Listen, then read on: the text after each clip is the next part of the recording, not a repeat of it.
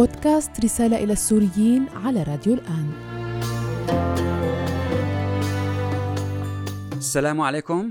أنا أيمن عبد النور برحب فيكم برسالة جديدة للسوريين. كل السوريين وين ما كنتوا تكونوا بالمغتربات بالمخيمات داخل سوريا بأي منطقة ما كان بسوريا. وبشكركم على المتابعة للحلقة اللي حطيناها. الحلقة الماضية بلشنا أول مرة نحطها على يوتيوب وصار تقريبا الدخول بين 10 11 ألف. يعني عم بيزداد كل كل ساعة. هي رغم إنه أقل من الدخول على المواقع الأخرى يعني Spotify عندنا Google Podcast iTunes عندنا الموقع تبع آه، راديو الآن FM كمان.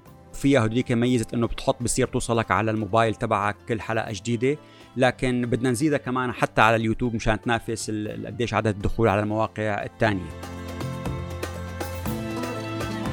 خلينا نبلش اليوم كمان. في عنا آه، شغلة مهمة اللي هي آه، لأول مرة بيصير تقييم للبرنامج اللي عمله الرئيس أوباما بخصوص دعم المعارضة السورية واللي خصص له 500 مليون دولار إذا بتتذكروا بال 2014 ويوميتها بعد ما دربوا مجموعة من المقاتلين انسحبوا هربوا فرطت المجموعة كلها و يعني فصارت مشكلة وفشل البرنامج. فطلع الآن تقييم حقيقة إيجابي اللي هو رئيس مجلس الأمن القومي يعني اللي ما صار له تارك آه، سنة وشوي اللي هو إتش آر ماك ماستر عمل كتاب سماه ساحات المعارك Battlegrounds وحكى عن هاي النقطة هي بالذات. فمهم نعرفها لأنه اعاده حقوق الناس السوريين السنة أنه بالظلم اللي وقع عليهم بسوء التفسيرات اللي طاولت فشل البرنامج. هلا هو عم بيقول يعني عكس كل شيء الافتراضات والتحليلات اللي صارت بواشنطن أنه ما في شركاء من العرب السنة اللي كانوا يتفقوا معنا لحتى نقدر نحقق النتائج في محاربة داعش وكل المنظمات الإرهابية الجهادية الأخرى. وبالتالي راحت إدارة أوباما واتفقت مع الأكراد وعملت لهم تنظيمات ودعمتهم ودربتهم وعطتهم السلاح. فعم بيقول لا هذا غير صحيح. السبب اللي صار إنه هي ما آه، اتفقت معهم بشكل كويس وجبرتهم إنه يوقعوا على آه، قبل ما يخضعوا للتدريب والمساعدة إنه لازم يوقعوا على تعهد يحاربوا بس داعش وما يتعرضوا لأي هجوم للقوات السورية والإيرانية.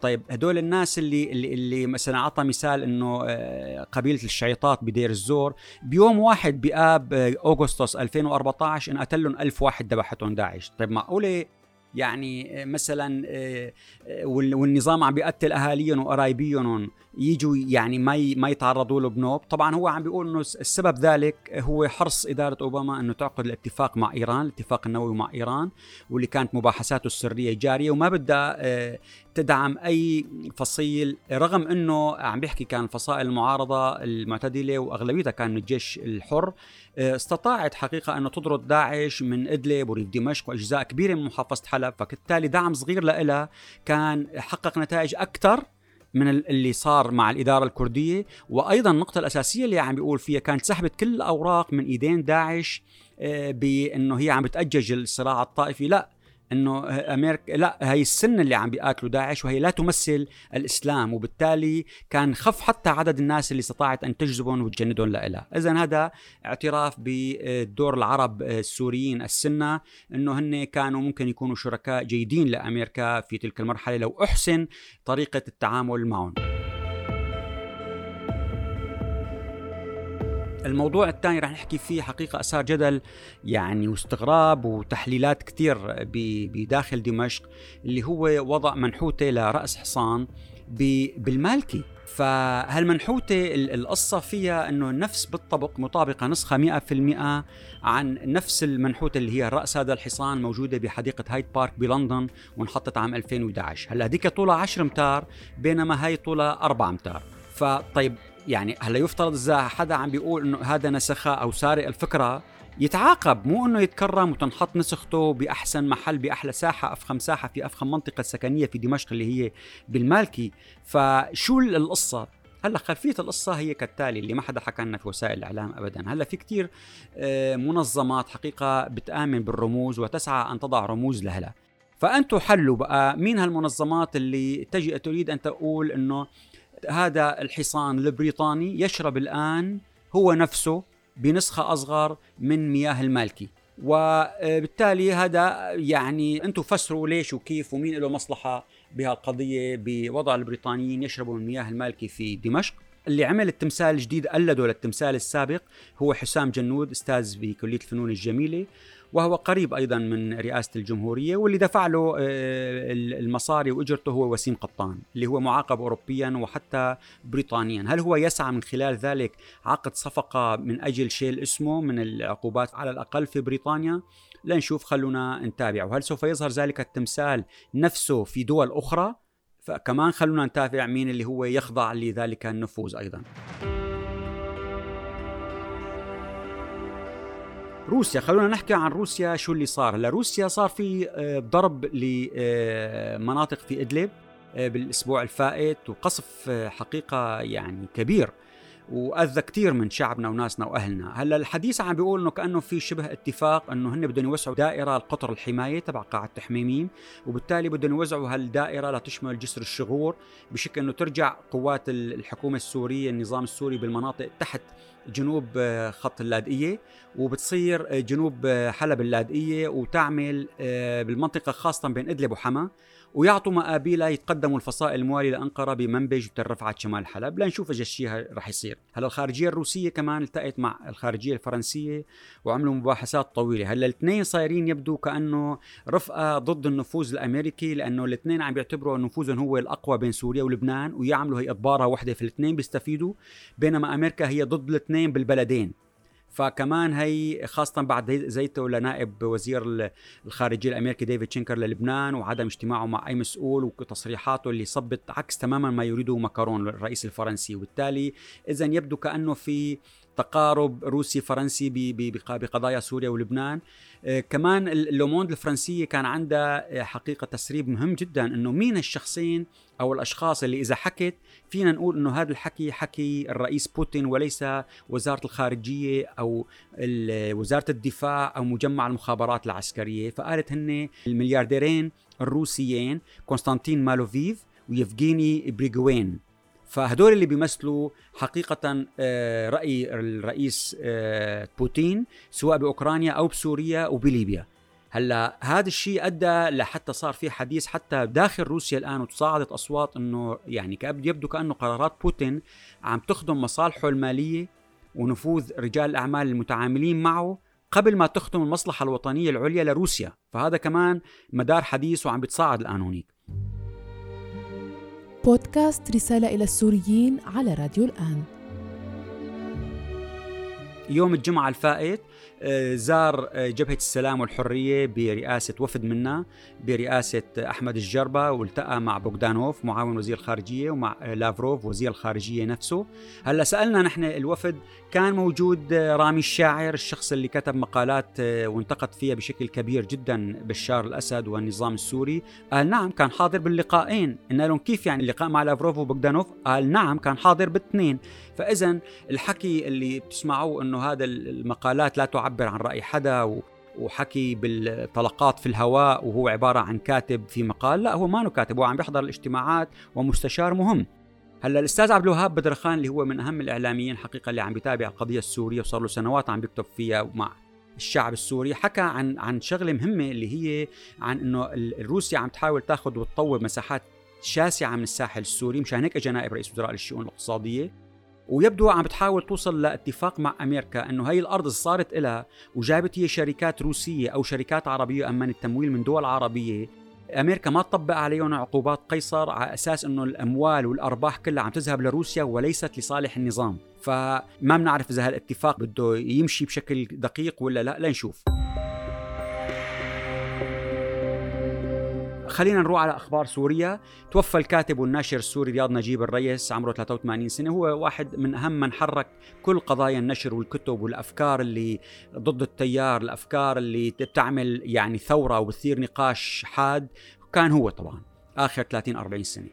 أيضا آه، وزارة التجارة الداخلية الآن قيدوا الخبز. صار لكل عيلة إذا فيها شخص أو شخصين بياخذوا بس ربطة العيلة اللي فيها أربع أفراد ربطتين ست أفراد ثلاث ربطات وأكثر من سبع أفراد أربع ربطات. يعني صار حتى الخبز والأكل صار بده يتنفسوا الزلمة صار بده بطاقة ذكية شيء عجيب. آه، رئيس الجمهورية رفع رواتب المسؤولين الكبار في الدولة خلينا نقرأ لكم إياها. نائب رئيس الجمهورية ورئيس مجلس الوزراء أعطاهم 233 ألف بالشهر ليرة سوري بتعادل 106 دولار. نعم نعم 106 دولار بالشهر. نائب رئيس الوزراء مع الوزير بياخذوا 91 دولار يعني 200 ألف ليرة سوري والمحافظ 70 دولار. هلا النقطة الثانية رئيس مجلس الشعب أعطاه 223 ألف يعني 102 دولار. وهذا هون فيها يعني مخالفة بروتوكولية لأنه بالبروتوكول رئيس مجلس الشعب أعلى من رئيس مجلس الوزراء بيوقف قبله. وهو بكل دول العالم أعلى كونه منتخب يمثل الشعب فكيف بيعطيه معاش أقل من رئيس مجلس الوزراء؟ فعضو مجلس الشعب اعطاه 64 دولار يعني بحدود 140 ألف ليرة سوري. وصار في انتقادات إنه ليش ما رفعوا أيضا رواتب الوزراء السابقين. هلأ أيضا رجعت بخ الشعارات المناهضة للنظام على الحيطان وأبواب المحلات بدمشق وبمنطقة الزاهرة هاي كمان قصة. وزير التعليم العالي حقيقة ارتكب آه، يعني شغلة ما حدا عم بيصدقها لحديت هلأ بجامعة البعث بحمص. حط طبيب بيطري حطه وكيل علمي لكلية الطب البشري. حط آه، دكتور بالهندسة البتروكيميائيه نائب إداري لكلية الطب الاسنان حط دكتورة بكلية العمارة عميدة لكلية التربية الموسيقية. طيب أيضا بمجلس الرقة المدني بالرقة عثروا على 28 مقبرة جماعية بتضمن 6300 جثة من أيام داعش فكمان هذا شيء محزن حقيقة.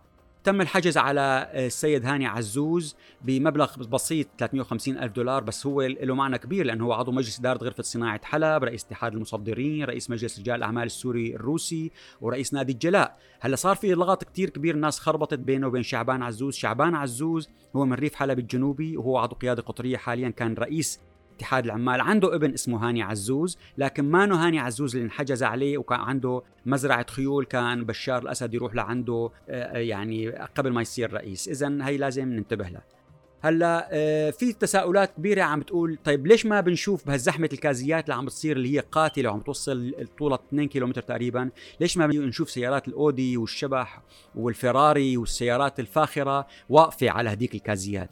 الجواب لهدول الناس لأنه عندهم كازياتهم الخاصه لا ما بيستوردوا. انت عم تفكر عم تسألني إنه بيستورد هو النفط لحاله بيحطه بيجيب نفط لقاله عنده مصفايه نفط خاصة فيه؟ لا بس عنده كازيات خاصة. في كازيات خاصة بالجيش في كازيات خاصة بالفرق العسكرية في كازيات خاصة لرئاسة الجمهورية لرئاسة الوزارة لأولاد المسؤولين بيروحوا بيصفوا هنيك أو بيبعتوا الشوفيرية بيعبوا وبيجيهم. فهي كمان نقطة مهمة. هلأ صار في حديث أيضا بجبل العرب عن قضية الفدراليه بجبل سويدا اسوه بالفدراليه اللي عم تنطرح بشمال شرق سوريا بمنطقة الإدارة الذاتية. أيضا كمان هذا نقطة مهمة. آه، صار في حديث عن الخطوة الهولندية اللي بعثت رسالة رسمية للحكومة السورية عم بتطالبها تبلش مع المفاوضات لتشوف إنه كيف عم تنتهك الاتفاقية آه، انتهاك التعذيب اللي هي حولتها لمحكمة العدل الدولية. هلأ هون نقطة محكمة العدل الدولية ما بتصوروا أنتم إنه تحاكم افراد هي بتحاسب فقط دول وما بتصدر أحكام بالسجن لأنه هي عبارة عن آه، بتحاكم دول فما في سجن لكن عبارة عن فضيحة للنظام بتصير كتير مشاكل له في الإعلام وبالتالي بتخفف أي حظوظ له في إنه يجلب ناس تعيد الإعمار أو ترفع العقوبات أو الناس اللي عم تحاول تطبطب له وتحاول ترفع له عقوبات دوليا أو تحسن له صورته ما راح تزبط القصة. هلا بنجي للناجحين بنبارك للسورية هاله خياط تعينت المدير الإقليمي لمعرض الفن بدبي. الشاب مجد أبا زيد حصل على براءة اختراع بالكشف المبكر عن الزهايمر بالمركز الأوروبي. آه، الشاب السوري الرائع مهدي كمخ بتركيا تحول من لاجئ فقير من أربع خمس سنين صار بيحكي تركي بلبل وصار عنده مليون متابع على اليوتيوب. كمان بنبارك للدكتور الطبيب تمام كيلاني أخذ بتوصية من رئيس جمهورية النمسا آه، أخذ لقب أهم استشاري بأخصائي أمراض وجراحة العيون بالنمسا. أيضا بنفتخر جدا بالمخرجة وعد الخطيب مخرجة فيلم سما اللي هي وقيصر.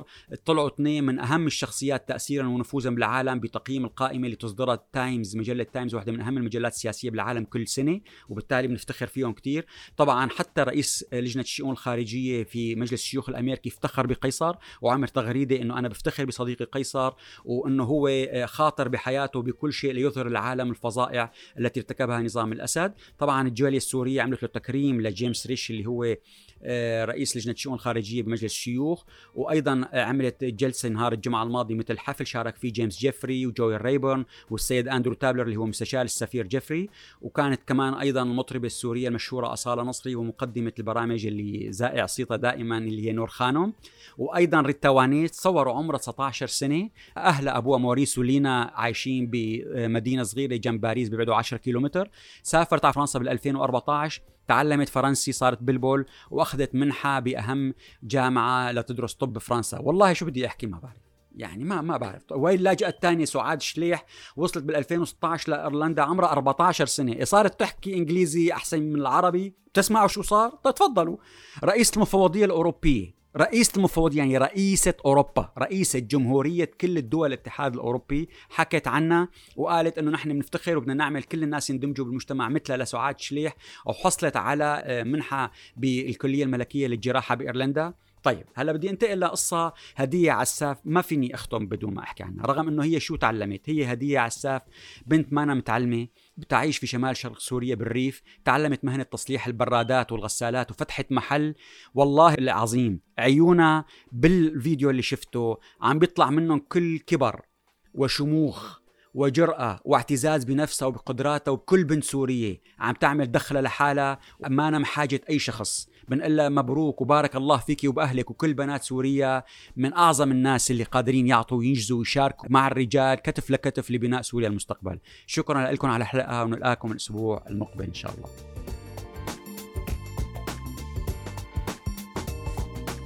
بودكاست رسالة إلى السوريين على راديو الآن.